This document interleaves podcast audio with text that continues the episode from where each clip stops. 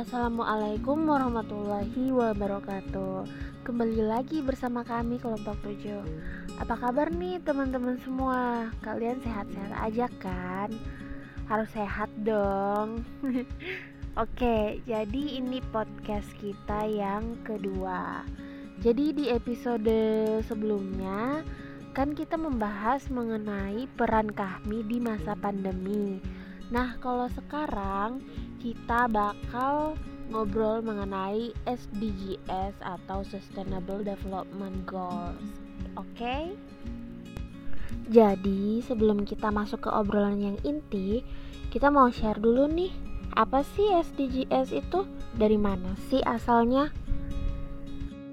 Oke, aku mau ngejelasin ya, Nis. Jadi, SDGs itu suatu rencana aksi global yang disepakati oleh para pemimpin dunia, termasuk Indonesia juga. SDGs ini merupakan kelanjutan dari MDGs atau Millennium Development Goals. Nah, yang pada saat itu terdapat 8 poin penting. Namun seiring berjalannya waktu, masalah yang dihadapi semakin banyak dan karena masa berakhirnya telah selesai pada tahun 2015 maka diganti dengan SDGs atau Sustainable Development Goals pada tanggal 25 September 2015. Uh, SDGs ini merangkap lebih banyak tujuan karena melibatkan sekitar 163 negara, banyak juga ya. Dan anggota PBB serta masyarakat sipil itu sendiri gitu. Nah, oke. Okay. Oh iya guys, uh, eh, SDGs ini di dalamnya juga ada 17 poin-poin penting loh dalam kehidupan manusia.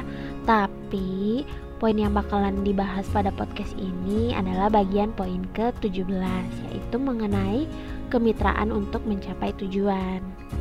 Jadi, tujuan di dalamnya juga nih lebih beragam dan kompleks ya. Oke, jadi sekarang kita masuk ke poin 17-nya ya. Siapa nih yang mau ngomong?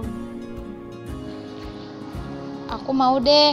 Jadi, kemitraan untuk mencapai tujuan ini menguatkan sarana pelaksanaan dan merevitalisasi kemitraan global untuk pembangunan berkelanjutan SDG hanya bisa terwujud dengan komitmen kuat pada kemitraan dan kerjasama global.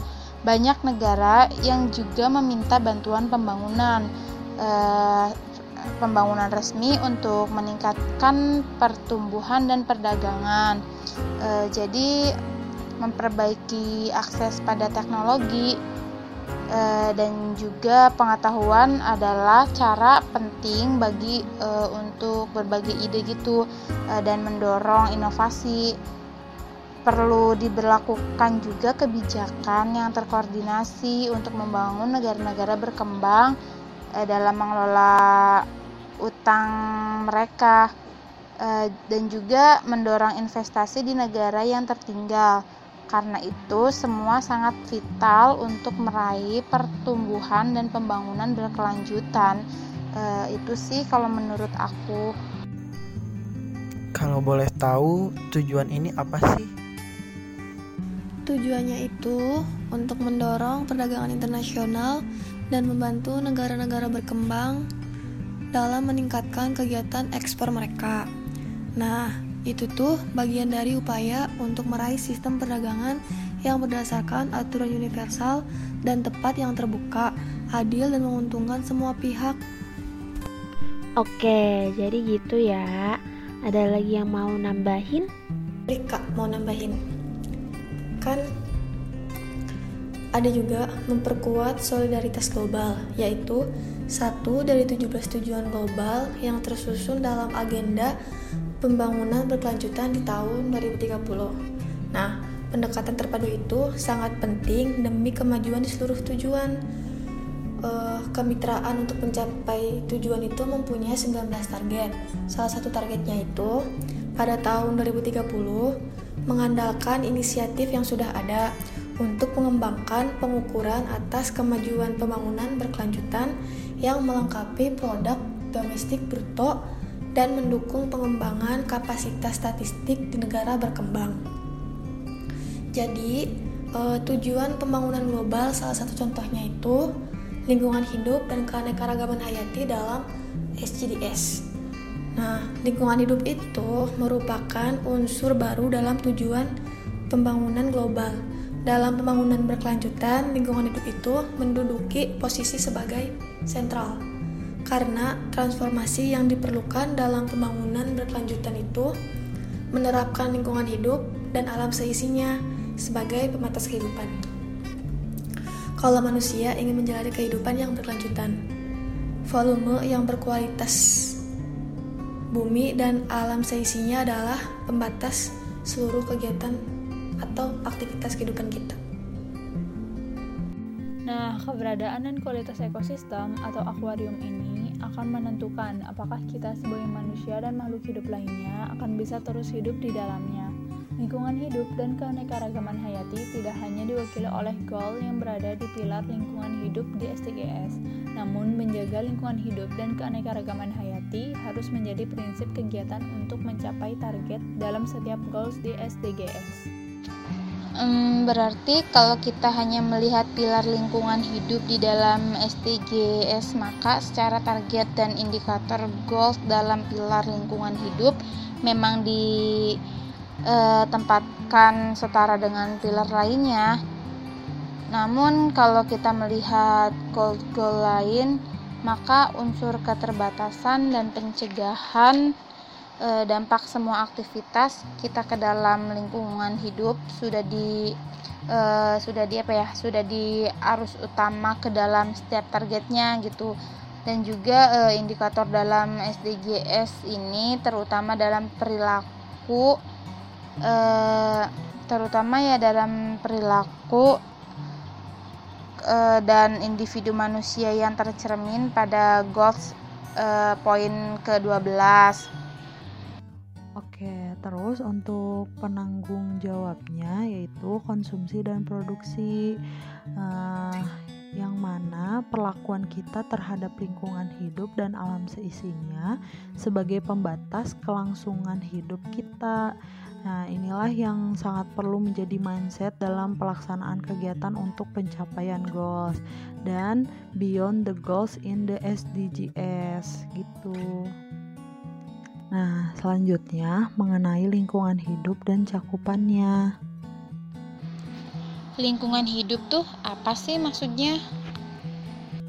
Kalau definisi lingkungan hidup menurut Law Dictionary Lingkungan hidup adalah lingkungan tempat organisme hidup, termasuk jumlah dan semua lingkungannya. Ini termasuk kekuatan alam dan makhluk hidup lainnya. Ini mendefinisikan kondisi bahaya dan kerusakan keberadaannya, serta perkembangan dan pertumbuhan. Hmm, kalau keanekaragaman hayati itu apa? Keanekaragaman hayati atau biodiversity adalah biosfer yang merupakan bagian dari lingkungan hidup.